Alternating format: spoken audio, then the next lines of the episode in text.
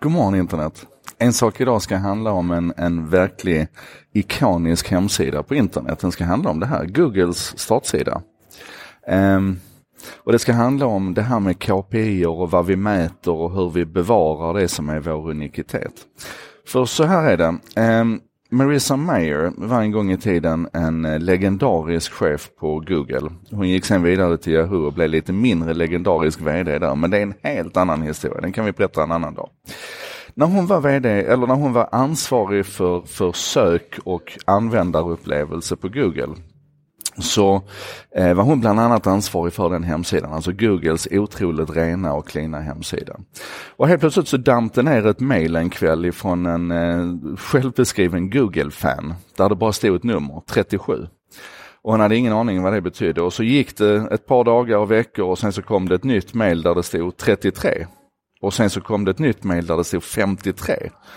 Och sen efter ett tag så kom det ett mejl där det stod 61 och nu hade den här Google-fanen lagt till lite text där det stod “Getting a bit heavy aren't we?” och eh, med tillägget “What happened to the days of 13?” Och nu började det nog trilla ner en polett här. Hon insåg att eh, det var någon som satt och räknade orden på den här hemsidan. Alltså hur många ord omfattade hela hemsidan.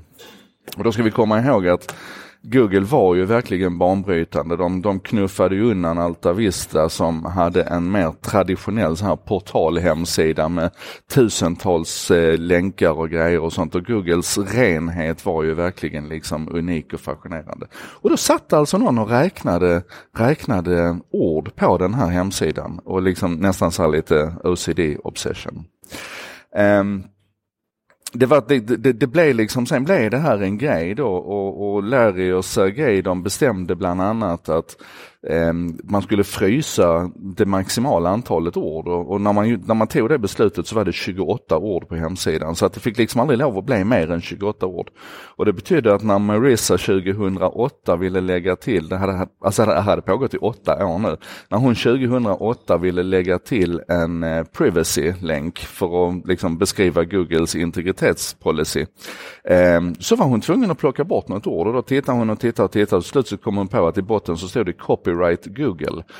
Och hon menar man vet ju vilken sajt man är på. Man är ju hos Google så genom att plocka bort Google så det bara stod copyright och det var en länk in till deras copyright-sida så fick hon liksom möjlighet att lägga till privacy-länken. Och det där är lite kul för när man tittar idag om man tittar idag på den, ni kan gå in och göra det, sen gå till google.com eller google.se så kommer ni att se att där är ingen copyright-länk överhuvudtaget.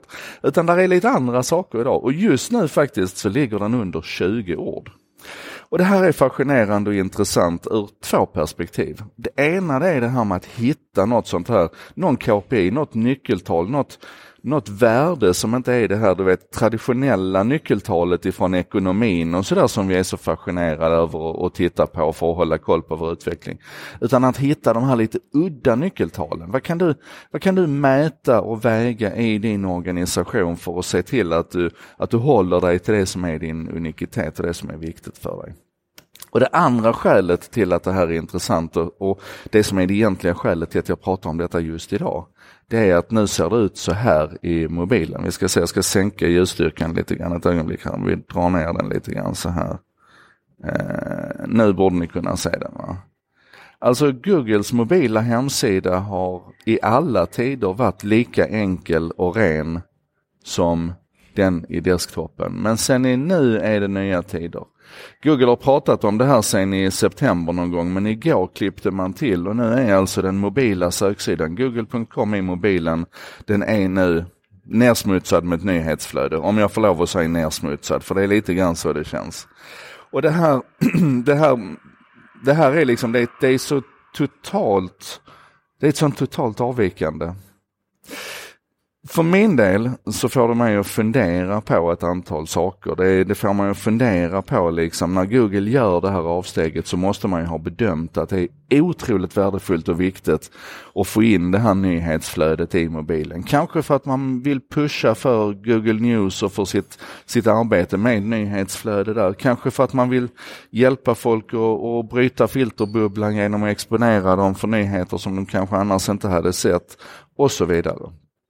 Den andra tanken är att det här kan ju vara ett sätt att göra filterbubblan ännu, ännu smalare och göra den påtaglig genom att det här blir ju lika mycket mina Google News och, och min Google som alla andra Google-produkter, alltså väldigt anpassade efter mig.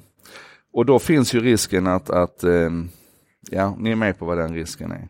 Jag kan säga det som, det som fascinerade mig lite grann när jag gick in och tittade i morse, det var att eh, toppnyheten, om man nu är orolig för att, att Google ska använda det här för att vrida opinionen och sådär, så var toppnyheten att en av Alphabets chefer har blivit eh, anklagad, efter, som har blivit anklagad för, eh, för sexuella, miss, eh, sexuella övergrepp, eh, att han har avgått. Och det är inte precis en smickrande nyhet för Alphabet kanske, men den, den ligger ändå i toppen. Så än så länge så känns det som att algoritmerna fungerar. Anyway, eh, jag tror det tunga du ska ta med dig förutom att hålla koll på vad som händer med, med Googles startsida här i, i, mobilen, det är att du ska fundera på det här med, med nyckeltal, alltså udda nyckeltal. Jag tycker det är superspännande eh, och någonting som jag alltid letar efter när jag jobbar med mina kunder. Hörni, det här var en sak idag. Eh, producerat av mig Joakim Jardenberg. Eh, precis som vanligt så kommer det en ny sån imorgon. Eh, så häng på då. Eh, dela, kommentera, sprid, eh, men framförallt kliv in i diskussionen här. Jag hade blivit jätteglad om du hade berättat om, om dina nyckeltal. Och så ses vi imorgon. Tja!